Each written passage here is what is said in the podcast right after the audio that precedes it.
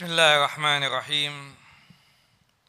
السلام عليكم ورحمة الله وبركاته.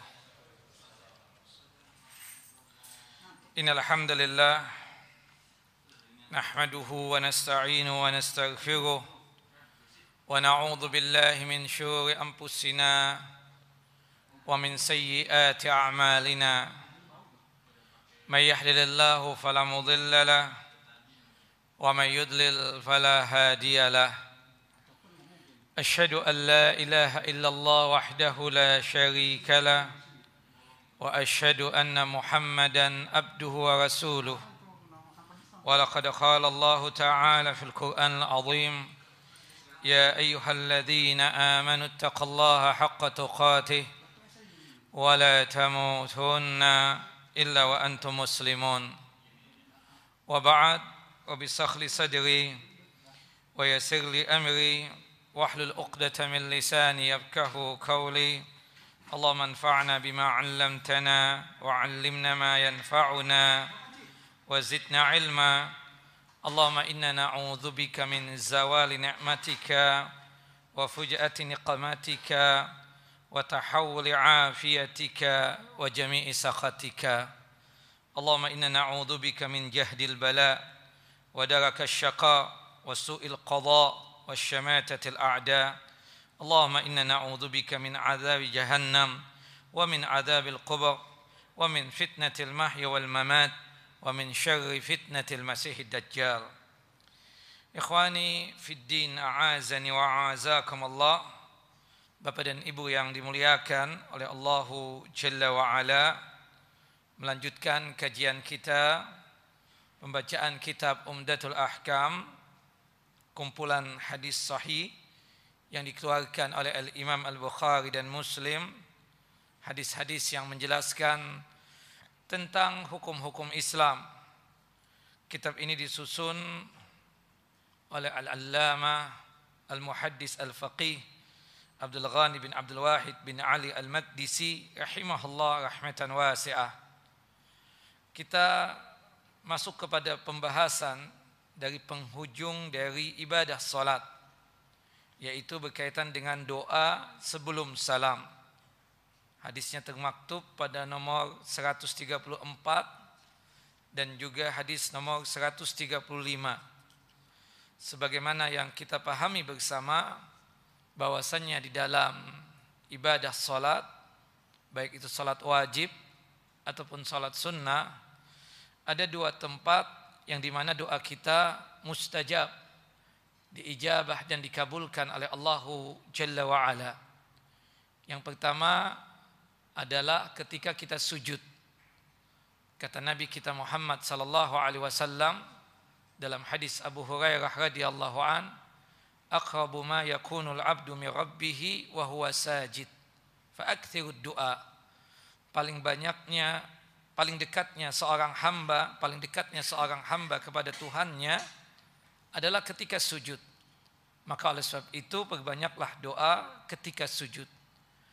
Baik sujud di rakaat yang pertama ataupun sujud di rakaat yang kedua. Baik sujud di rakaat yang ketiga ataupun yang keempat. Dan tidak ada perbedaan sujud di rakaat di salat wajib ataupun salat sunnah. Dan itu dikuatkan dalam hadis sahabat yang mulia Abdullah ibnu Abbas radhiyallahu anhuma qala Rasulullah sallallahu alaihi wasallam Rasulullah sallallahu alaihi wasallam bersabda fa amma sujud fajtahidu fid du'a faqaminun ayustajaba lakum Adapun ketika sujud sungguh-sungguhlah berdoa karena doa di dalam sujud tersebut diijabah dan dikabulkan oleh Allahu Jalla wa Ala. Termasuk juga sebelum salam. Setelah tasyahud, salawat Nabi, jangan langsung salam, berdoa. Kata Nabi kita Muhammad sallallahu alaihi wasallam, asma'ud du'a fi duburis. Doa paling didengar, doa paling diijabah adalah sebelum salam. Banyak sekali contoh-contoh doa yang dituntunkan dan diajarkan oleh Nabi kita Muhammad sallallahu alaihi wasallam. Salah satunya yang ada pada pembahasan kita kali ini yaitu kita meminta perlindungan kepada Allah Jalla wa ala di dalam salat yaitu berkaitan dengan empat permohonan yang kita mohonkan kepada Allah Jalla Jalaluh. Itu ada pada hadis nomor 134, hadis dari Abu Hurairah radhiyallahu an, qala berkata, kana Rasulullah sallallahu alaihi wasallam yad'u. Adalah Rasulullah sallallahu alaihi wasallam berdoa, Allahumma inni a'udzubika min adzabil qubur wa min adzabil nar wa min fitnatil mahya wal mamat wa min fitnatil masihid dajjal.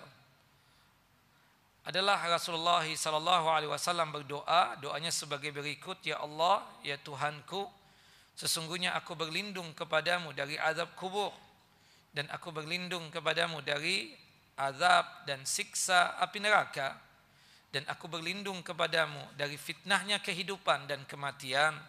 Dan aku berlindung kepadamu ya Allah dari fitnahnya Masih Dajjal.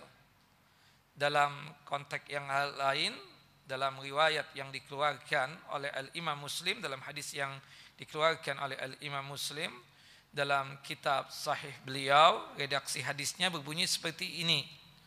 Idza tashahhada ahadukum falyasta'id billah min arba.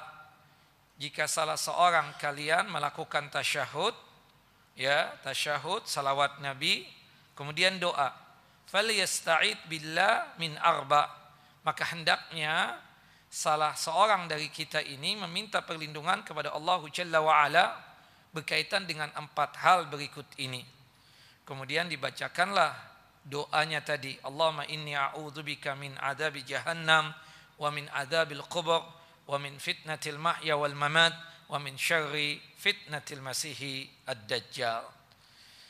Hadis ini sahih dikeluarkan oleh Al-Imam ya Al-Bukhari dalam kitab Sahih beliau pada nomor hadis 1377 dan hadis ini dikeluarkan oleh Al-Imam Muslim dalam kitab Sahih beliau pada nomor hadis 588. Kita mencoba untuk mengupas tuntas tentang apa yang ada pada hadis nomor 134 berkaitan dengan doa Nabi sebelum salam ya ada dua pembahasan. Yang pertama berkaitan dengan kosakata yang ada pada hadis ini beserta penjelasannya. Kemudian yang kedua adalah ilmu yang bisa kita dapatkan dari hadis ini. Yang pertama, kata yad'u maksudnya adalah yad'ullaha berdoa kepada Allah Jalla wa ala. Wa kana dzalika fi shalah dan itu dilakukan oleh Nabi yaitu berdoa di dalam salat. Tepatnya adalah sebelum salam sebagaimana yang disebutkan di dalam hadis Ibunda Aisyah radhiyallahu anha dan juga dikuatkan di dalam hadis ya Abu Sa'id Al-Khudri radhiyallahu an. Dalam hadis Ibunda Aisyah menjelaskan Rasulullah sallallahu alaihi wasallam itu setelah tasyahud salawat Nabi kemudian sebelum salam beliau berdoa.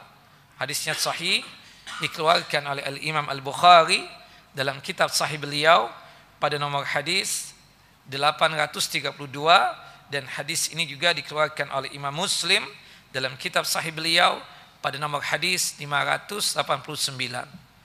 Kemudian ungkapan Allahumma artinya apa? Ya Allah, ya Allah, ya Tuhanku. Nah, min adabil kubur dari adab kubur.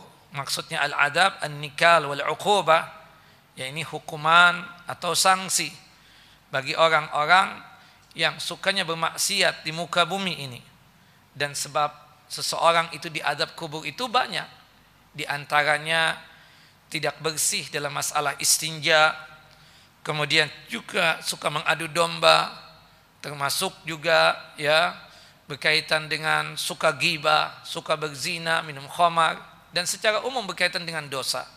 Ya, termasuk juga puncaknya adalah dosa kekufuran dan dosa kesyirikan itu mengakibatkan seseorang itu diadab di liang lahatnya atau di alam barzahnya. Nah, dan yang dimaksudkan di sini wal muradu bi adabil qubur ma yahsulu lil mayyit fi qabrihi min alamin nikal mimma yahsulu lil badan wa ruh ma'an. Naam.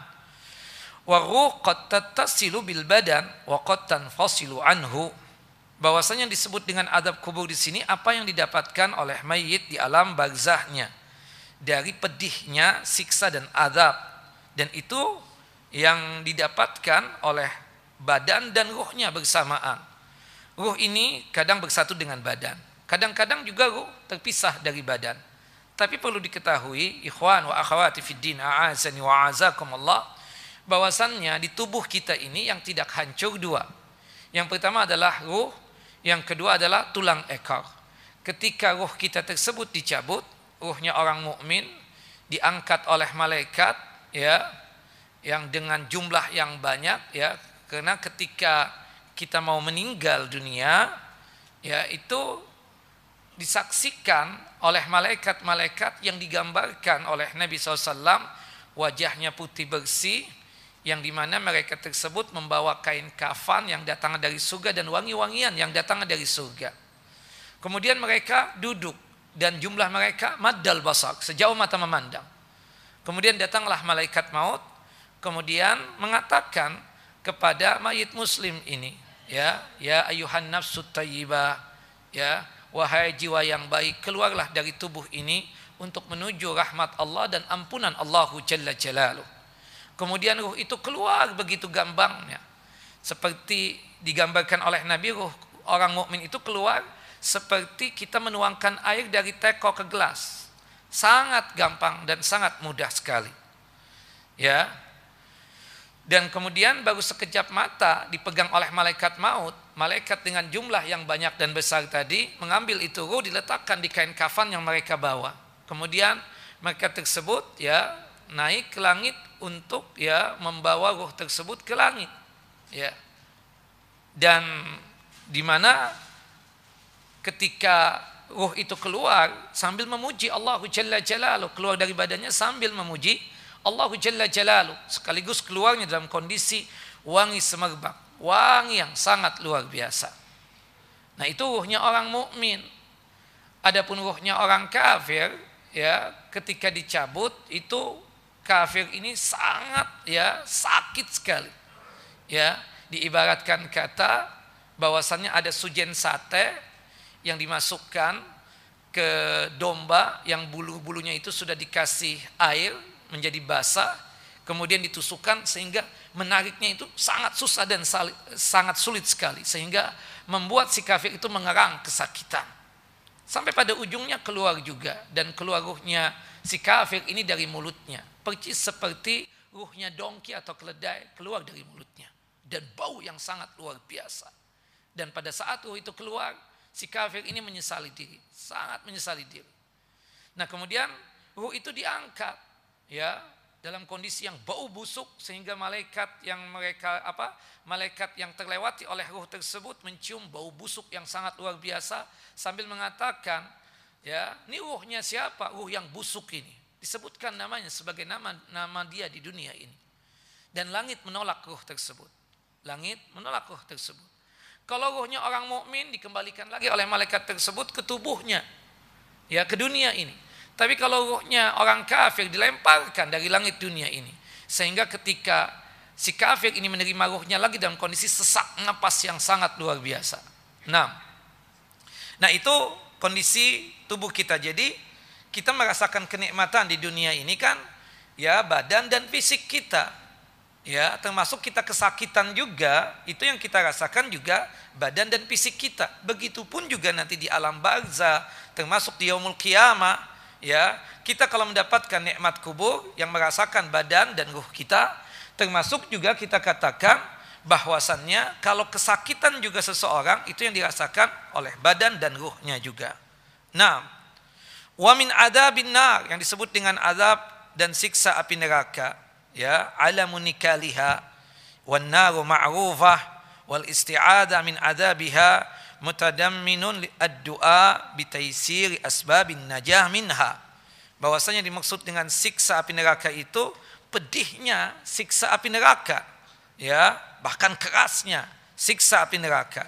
Api neraka ma'rufah, ya sesuatu yang kita kenal, yang kita pahami, sering sekali kita mendengar ayat-ayat tentang neraka, sering sekali kita mendengar tentang hadis-hadis tentang api neraka dan kita ini ya dianjurkan untuk meminta perlindungan kepada Allah Jalla wa ala dari siksa api neraka yang di mana di dalam meminta perlindungannya kita tersebut mengandung doa agar kita dimudahkan ya untuk mendapatkan sebab-sebab selamat dari siksa api neraka termasuk siksa kubur. Wa min fitnatil mahya wal mamat dan kita berlindung kepada Allah dari fitnahnya kehidupan dan kematian. Fitnah itu artinya apa sih? Fitnah itu artinya cobaan, al-imtihan wal ibtila, ya, al-ikhtibar. Sama itu, ujian, cobaan, ya, dicoba. Kehidupan kita ini semuanya adalah cobaan. Ya, yang tidak ada cobaannya itu cuma kita dengan Allah Jalla wa'ala saja. Istri kita cobaan, anak kita cobaan buat kita.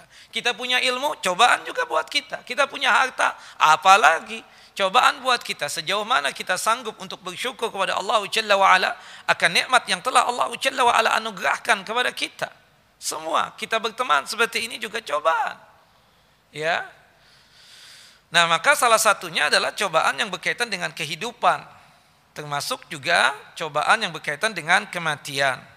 Wal mahya al hayah kehidupan. Al mamat al maut yaitu kematian. Nah, disebutkan berkaitan tentang masalah fitnatul mahya ya, fitnahnya kehidupan itu apa saja? ما يعرض للإنسان في حال الحياة من فتن وابتلاء بالشبهات التي يلتبس عليه بسببها الحق بالباطل أو بالشهوات التي ينهمك بسببها في حب الدنيا وتعلق بها حتى يكون ذلك سببا في زيغه وضلاله وانهماكه في ملذات.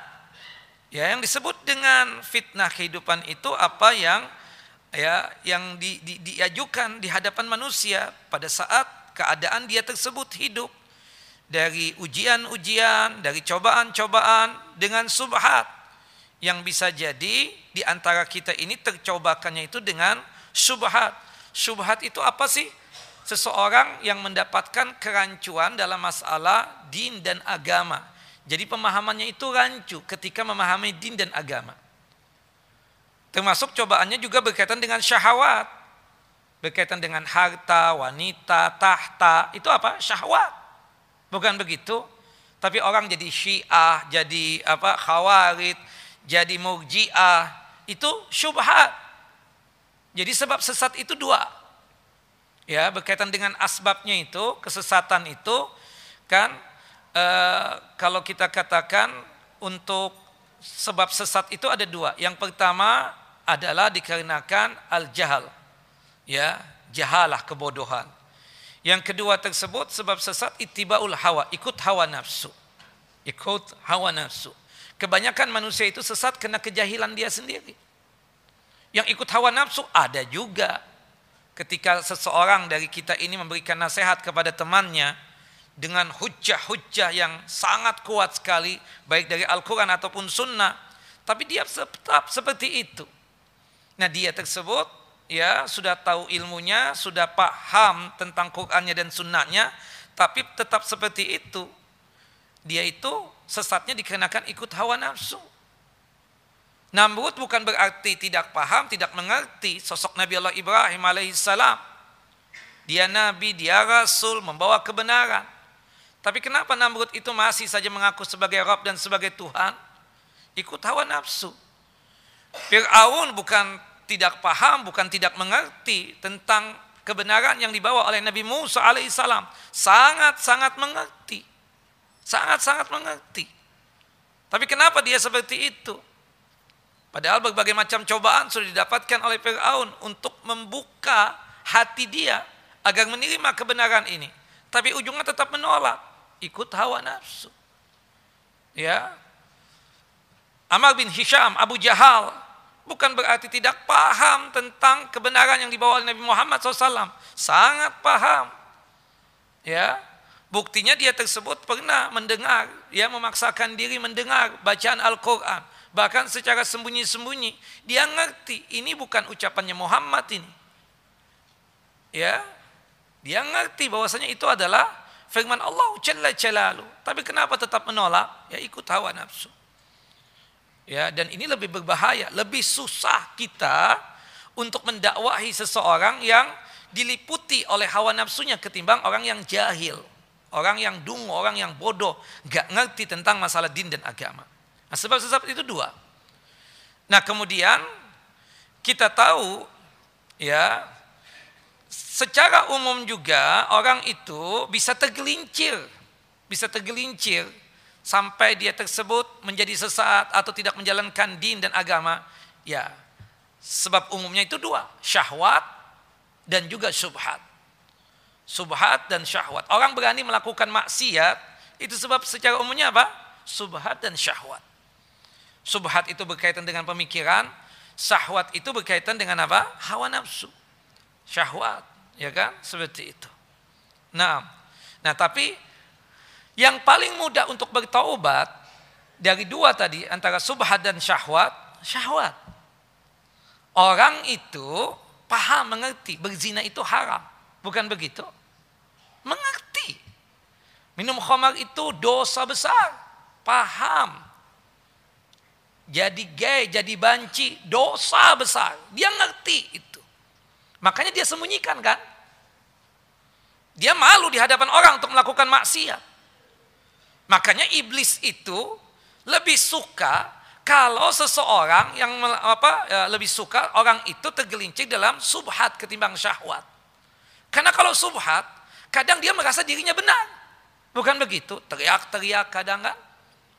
Ya, teriak-teriak berkaitan dengan sesuatu yang nauzubillah yang bertentangan dengan ajaran Islam. Sebelum adzan baca ini, baca itu. Sebelum sholat baca macam-macam. Padahal nggak ada ajarannya. Tapi dia pede. Kenapa? subhat yang meliputi dia itu. Nah, tapi kalau syahwat, orang nggak berani melakukan secara terang-terangan. Ada secara terang-terangan, tapi sedikit porsinya ketimbang orang yang tergelincir dikarenakan sebab subhat tadi itu. Makanya ini yang ada di di fitnah kehidupan ini. Ada subhat, ada syahwat, ya. Adapun fitnah yang berkaitan dengan kematian itu dimulai Ya, itu ada dua. Yang pertama, wa ammal fitnatul mamat fa fiha qaulan. Adapun fitnah yang berkaitan dengan kematian itu ada dua pendapat. Yang pertama, ma yakunu indal mauti sa'atul ikhtidar wa udhifat ila al-mauti liqurbiha minhu. Ya, itu dimulai fitnah kematian itu ketika seseorang mau meninggal dunia. Ngonaza, mau melepas ruh. Ya. Yang di mana pada saat itu kematiannya sudah dekat. Wa nassa alaiha wa in kanat min fitnatil haya li azimi khatariha haitsu inna syaitana yakunu ahrasu ala iqwa'i bani adam fil tilka saati al harjati li annaha khatimatul hayah wa 'alaiha madaru sa'adatihi au syaqaihi. Sebelum meninggal itu syaitan dengan penuh semangat berusaha untuk menyesatkan manusia tersebut. Berusaha pada waktu mau nazak, mau mengeluarkan ruh itu. Subhanallah. Ya. Artinya Allah alam ada cerita dari anaknya Imam Ahmad namanya Abdullah cerita ini memang ada perdebatan di kalangan para ulama tentang kesahihan dan kebenarannya. Ala kuliah kita bisa ngambil ilmu dari sini. Jadi Imam Ahmad itu dipikir oleh anaknya mau meninggal dunia. Dia dalam kondisi sakit. Orang kalau sakit itu kan itu seperti ada sesuatu yang dia rasakan. Yang sifatnya tersebut ada gangguan-gangguan. Kadang ada omongan-omongan yang tidak disadari. Kalau orang sakit ya, apalagi sakitnya parah itu. Ya. Nah, anaknya ini melihat abahnya seperti itu mentalkinkan ya ya abati kul la ilaha illallah wahai ayahku ucapkan la ilaha illallah Tahu Imam la la la tidak tidak nggak mau kaget anaknya ada apa nih dengan ayah sampai pada akhirnya ketika dalam kondisi yang sadar ya pikiran normal sudah muncul, anaknya nanya, "Abah, tadi aku ya pikir Abah mau meninggal. Ya, aku mentalkinkan antum, Abah. Tapi Abah bilang enggak, enggak mau, enggak mau. Kenapa, Abah? Tadi tahu enggak? syaitan datang berwujud ayah bundaku. Dia menyuruh aku untuk ya menyembah syaitan. Untuk musyrik kepada Allah Jalla wa'ala. Makanya aku ucapkan la la seperti itu. Nah tapi memang cerita ini ada perdebatan di kalangan ulama tentang kesahihannya. Memang dalam kondisi sakaratul maut itu berat. Ada kan doa Nabi SAW yang menjelaskan tentang masalah itu. Maka oleh sebab itu ikhwan banyak-banyak memohon meminta kepada Allah Jalla Jalaluh. Jadi beratnya kita tersebut untuk menghadapi yang namanya kematian. Nah, ada yang mengatakan dari situ. Ada juga yang mengatakan annal murad bi fitnatil mamat ma yahsulul mayyit ba'da mautihi hina ya yus'alu fi qabrihi an rabbihi wa dinihi wa nabihi wa ala dhalika madaru tan'imil mayyit fi qabrihi atau ta'dzibihi. Ada yang mengatakan ya itu ketika dia sudah meninggal dunia apa yang dia dapatkan pada saat ya di alam barzah ketika dia tersebut ditanya tentang Tuhannya, tentang agamanya dan tentang nabinya. Pada saat datang malaikat mungkar dan nangkir.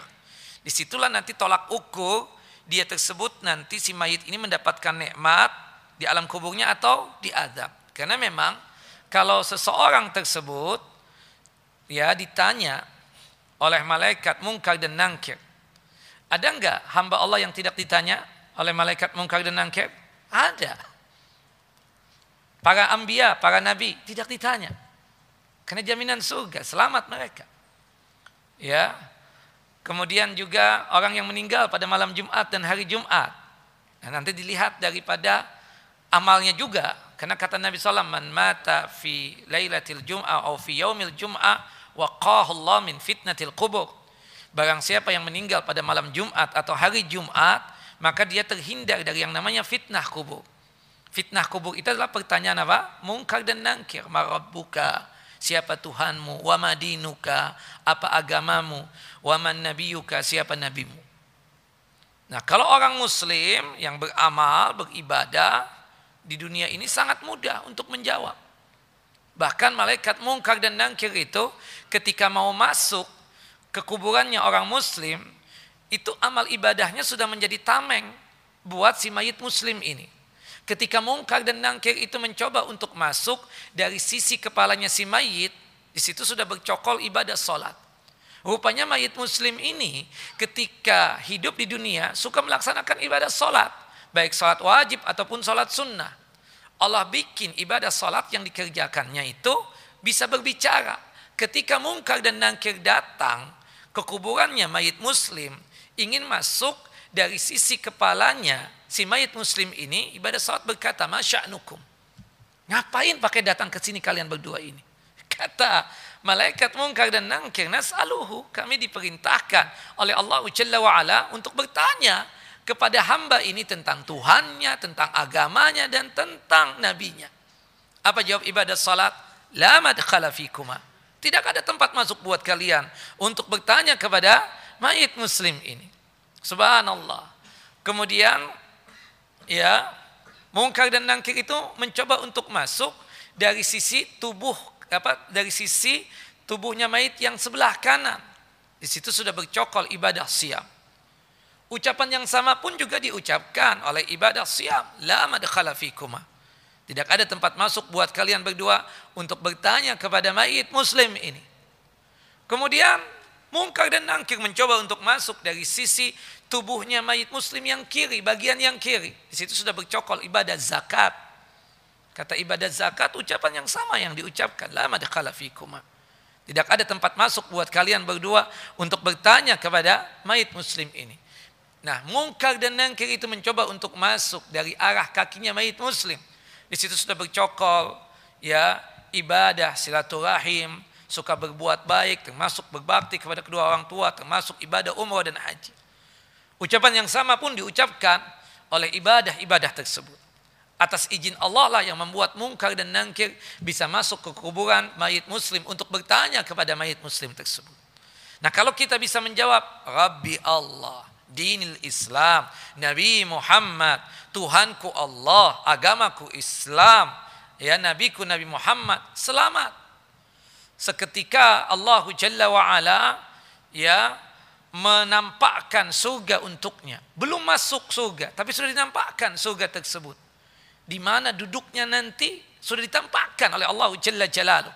Hingga dia bisa merasakan aroma sedapnya dan wanginya surga tersebut. Kemudian dia dipakaikan pakaian surga. Kemudian ya dilapangkan kuburannya apa? Sejauh mata memandang. Subhanallah. Kemudian datanglah seseorang ya yang di mana digambarkan wajahnya rupawan, pakaiannya bagus, badannya wangi semerbak. Kemudian kata orang tersebut, ini loh yang dijanjikan oleh Tuhanmu. Kata si mayit muslim, ini siapa kamu ini? Sepertinya engkau mendatangkan kebaikan buatku. Kata dia, anak amalukas saleh. Itu adalah amal saleh. Nah ini berkaitan dengan apa? Fitnah kubur itu. Jelas ya, fitnah kubur. Nah, dalam riwayat yang lain kan disebutkan uh, ini yang berkaitan dengan fitnah apa? Uh, fitnah kematian tadi.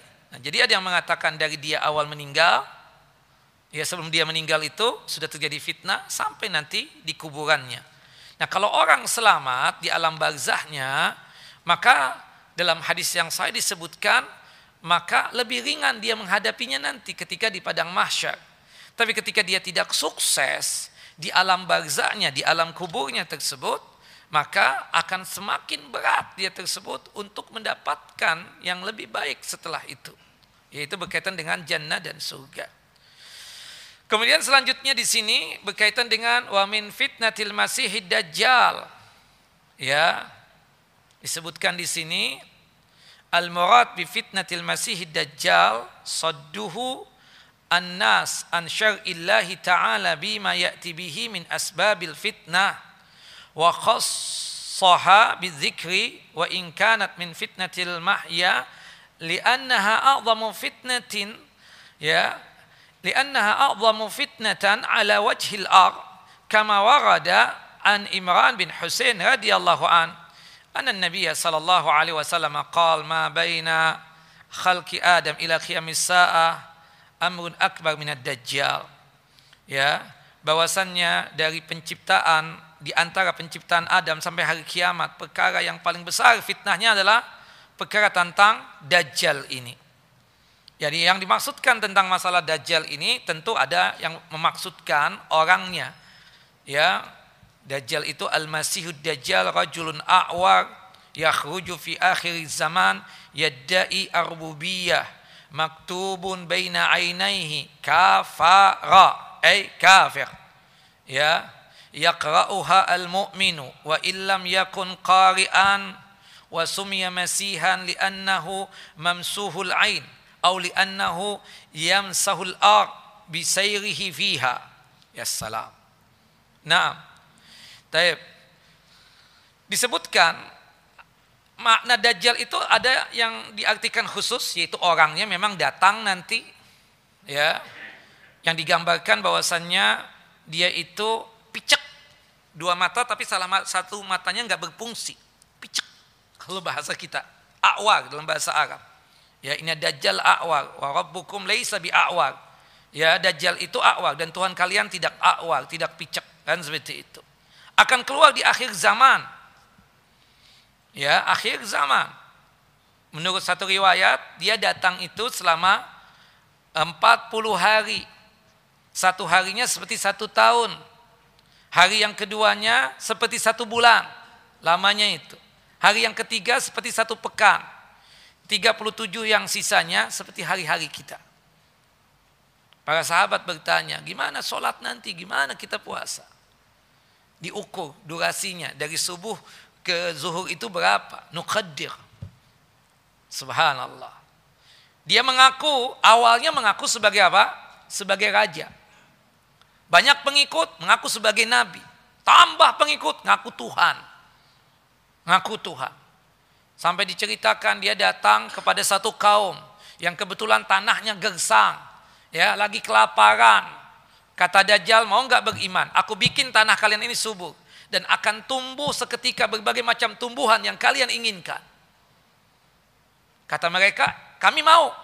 Kemudian dia mengatakan, hei langit turun hujan, berkumpul awan, seketika hujan turun. Hei bumi, hei tanah, keluarkan berbagai macam isimu, yaitu berkaitan dengan tumbuh-tumbuhan dan tanaman. Keluar seketika. Mereka beriman. Kecuali ada satu anak muda. Ya, Dajjal itu ciri khasnya di dahinya, di jidatnya itu ada huruf kaf. Maksudnya apa? Kafir. Ya. Yang bisa lihat hanya orang mukmin, yang kafir nggak bisa lihat. Ya, Dajjal itu kenapa dikatakan Dajjal? Ya, yang disebut dengan masih, masih itu kan artinya ya, ada dari dua matanya itu yang terhapuskan. Maksudnya picek tadi itu. Ya, ada juga yang mengatakan disebut Masihud Dajjal karena Dajjal itu akan keliling dunia. Termasuk ke Kalibata. termasuk ke Jakarta ya kan? Seperti itu. Jalannya kayak angin. Jalannya apa? Seperti angin. Maka dikatakan masih. Kecuali dua tempat yang tidak bisa dimasuki oleh Dajjal. Yaitu apa? Yaitu Mekah dan Madinah. Antum tahu itu akhir daripada Wadi Akik itu. Itu tepatnya di Zulhulaifah itu. Bir Ali. Dan jadi Dajjal itu terakhirnya mampirnya di mana? Dia nggak bisa masuk kota suci Madinah. Itu di mana? Di Zulhulaifah itu. Ya. Yang mikot yang kita bilang Bir Ali Bir Ali itu. Tentu nggak bisa masuk dia. Dijaga oleh malaikat di situ. Nah, kenapa dikatakan dajjal likasrati jadihi? Karena banyaknya dia berbohong, dusta. Ya kan? Makanya kalau kita ngomong kepada orang yang suka ya dusta, suka menipu, kita bilang apa? Ya, fulan dajjal memang, dajjal. Kan seperti itu kita ngomongnya. Bukan begitu? Dajjal dan dajjalun telah datang tanda tanya dajjal itu banyak yang ngaku nabi kan banyak dajjalun semuanya mereka itu kita bilang. Nah tapi nanti ada dajjal yang asli. Dan dajjal asli itu sudah ada. Tamim Ad-Dari pernah dia tersebut terdampar di satu pulau. Ya yang kata dia dia lihat ada binatang. Semuanya bulu. Aku nggak ngerti yang wajah mana yang buntut mana. Hujan lebat. Akhirnya aku mencari tempat teduhan. Ada gua. Aku masuk di gua tersebut. Aku nyalakan api. Eh, ada orang ya bergerak-gerak terikat seperti itu. Aku mencoba untuk menolongnya. Dia bilang nggak bakalan terbuka. Nanti akan terbuka sendirinya. Tahu-tahu orang nanya, Hal bu'isa fikum Muhammad bin Abdullah, apakah sudah diutus kepada kalian seseorang yang bernama Muhammad bin Abdullah menjadi nabi dan rasul? Kata Tamim Ad-Dari, ya sudah. Kata Dajjal, beriman engkau selamat.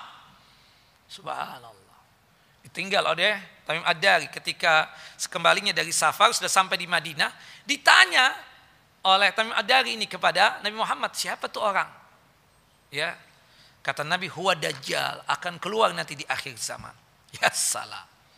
Dajjal ya, makanya kita berlindung kepada Allah Jalla wa ala ya. Dan subhanallah tidak ada fitnah yang lebih besar ya daripada fitnah dajjal ini dari penciptaan Adam alaihissalam sampai hari kiamat fitnah yang paling besar itu adalah fitnah dajjal. Wallahu a'lam bissawab. Nah, ya. Dan maka oleh sebab itu banyak-banyak kita meminta perlindungan kepada Allahu Jalla wa ala. Nah, dajjal dikatakan dajjal ya. Ini kan sirah mubalaghah Artinya banyak berdusta, banyak bohong dia tersebut. Nah, yang membunuh Dajjal siapa? Nabi Isa alaihissalam. Nabi Isa alaihissalam. Dan kalau sudah muncul Dajjal, berarti inilah salah satu tanda kiamat besar. Ya, tanda apa? Min asratis sa'ah al-kubra. Tanda kiamat besar.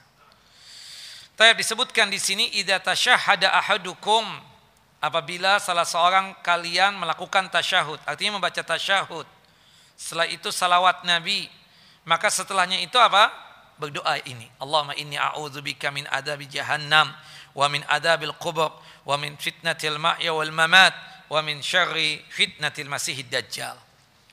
Dari hadis ini Bapak dan Ibu yang dimuliakan oleh Allah Jalla wa ala, ilmu yang bisa kita dapatkan annal musalliya ma'murun bil isti'adati billahi ta'ala min hadhihi al-arba fi tashahhudi al-akhiri min kulli salatin fardhan wa naflan bahwasannya orang yang salat diperintahkan untuk meminta perlindungan kepada Allah taala dari empat hal tadi ketika dia melakukan tasyahud yang terakhir di setiap sholat baik sholat wajib ataupun sholat sunnah. Nah di antara kita cuma memahami sholat wajib padahal doa sebelum salam itu terijabah itu baik di sholat wajib ataupun sholat sunnah.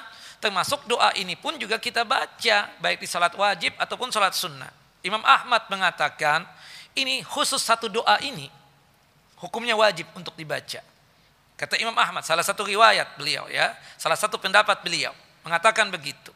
Kenapa ya Imam Ahmad? Karena Rasulullah setiap kali sholat tidak pernah meninggalkan doa ini.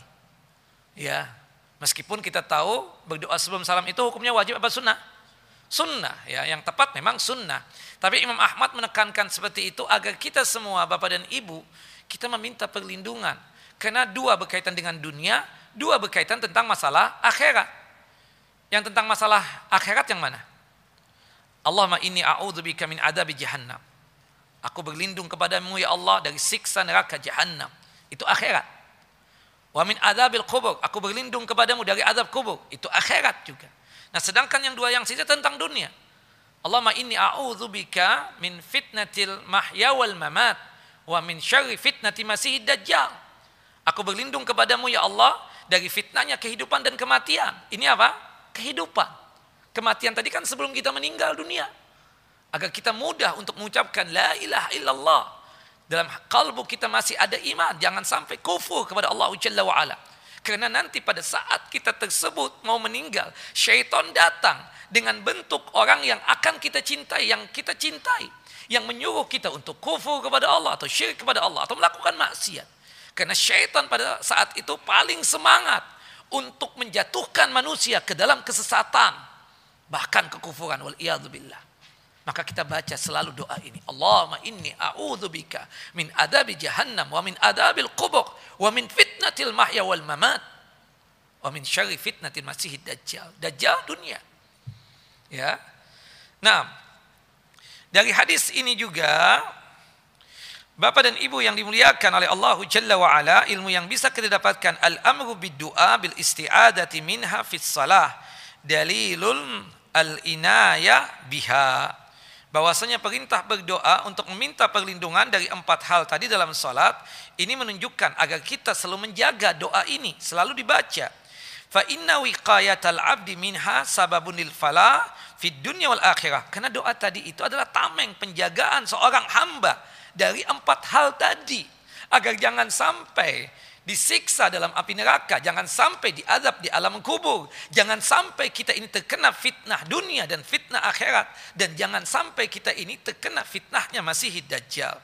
Ya, jaga selalu dan itu adalah sebab kita mendapatkan kebahagiaan di dunia dan juga di akhirat. Naam, fa innaha umurun azimatun yashtaddul bala. Ya, wa yu'dhimul khatar fi wuqu'iha ya karena sesungguhnya ini adalah perkara-perkara yang besar yang fitnahnya luar biasa yang harus kita takuti khawatir ya karena ini ancaman yang besar takut terjadi kepada diri kita wali anna aktsaraha umurun imaniyah ghaibiyah karena kebanyakan tadi itu berkaitan dengan apa? Perkara-perkara keimanan yang gaib. Ya tentang neraka, tentang alam barzah kubur ya, itu gaib semuanya. Nah, maka diulang-ulang untuk membacanya ya agar kita selamat dari empat hal tadi. Yang ketiga dari hadis ini ilmu yang bisa kita dapatkan. Isbatu adabil kubur. Ya adab kubur itu ada. Fitnah kubur itu pertanyaan mungkar dan nangkir. Sukses dapat nikmat kubur tidak sukses menjawab dapat adab kubur Ya, fitnah kubur ada, adab kubur ada, nikmat kubur ada dan ini keyakinan kita. Dan hadis-hadis yang menjelaskan tentang adanya adab kubur itu hadisnya mutawatir. Mutawatir itu adalah pasti sahih, pasti absah. Yang keempat, dari hadis ini juga ilmu yang bisa kita dapatkan isbatu adabin nar, termasuk juga salah satu bagian iman kita kepada hari akhir, kepada hari kiamat. Rukun iman itu ada berapa? Ada enam kan? yang kelimanya beriman kepada hari kiamat. Bagian iman kepada hari kiamat adalah beriman tentang adab kubur, nikmat kubur, fitnah kubur. Termasuk juga bagian daripada iman tentang hari kiamat, kita mengimani adanya surga dan neraka. Termasuk neraka. Bahwasannya kita menetapkan bahwasannya tentang siksa api neraka tersebut ada. Dalam satu hadis yang sahih hadis dari uh, Ubadah bin Samit. Bang, siapa yang beriman lima hal ini, ya dia bersaksi tidak ada Tuhan yang pantas untuk disembah kecuali Allah.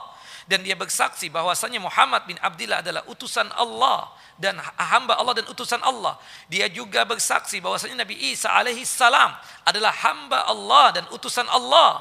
Dan dia bersaksi bahwasanya surga itu benar nyata adanya. Dan dia bersaksi bahwasanya neraka itu benar nyata adanya maka dia masuk ke surga sesuai dengan amalan yang dia lakukan.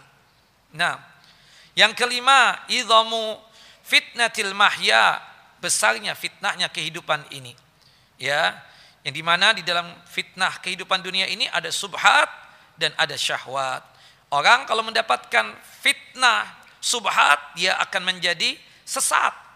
Yang hak dianggap batil, yang batil dianggap hak. Kalau orang sudah juga terfitnah oleh syahwat, maka seseorang itu pasti akan mengikuti apa? Hawa nafsunya. Mengikuti apa? Hawa nafsunya. Ya, seperti itu. Dan dua-duanya apa? Akibat fitnah, subhat dan sahwat bisa menjadikan seseorang menjadi sesat. Yang keenam, idhamu fitnatil mamat allati takunu indal mauti au ba'dah. Ya, luar biasanya fitnah kematian dan itu terjadi pada saat mau meninggal dunia dan setelah meninggal dunia. Nah, dari sebelum meninggal dunia itu sudah ada tuh fitnah, ya, kematian. Apalagi pas meninggal dunia. Yang ketujuh, ilmu yang bisa kita dapatkan isbatu khurujid dajjal wa idhamu fitnatihi wa hiya a'zamu fitnah mundu Adam ya alaihi salam ila qiyamis sa'ah Wama min nabiyyin illa anzara ummatahu ad-dajjal. Ya, kita beriman dan menetapkan bahwasanya dajjal itu ada dan akan keluar dan ini paling besarnya fitnah. Fitnah yang paling besar sejak penciptaan Adam alaihissalam sampai nanti hari kiamat. Ya, dan tidaklah seorang nabi diutus kecuali nabi itu apa? memperingatkan tentang dajjal. Dajjal akan hadir. Yang kedelapan dari hadis ini ilmu yang bisa kita dapatkan syafaqatun Nabi SAW ala ummatihi wa hirsuhu ala ta'limihim ma yanfu'uhum wa ma yakunu sababan fi najatihim minal fitani wal adab. Allah Ta'ala a'lamu. Kasih sayangnya Nabi kepada umatnya dan semangatnya Nabi untuk mengajarkan din dan agama kepada mereka. Mengajarkan sesuatu yang bermanfaat buat umat ini.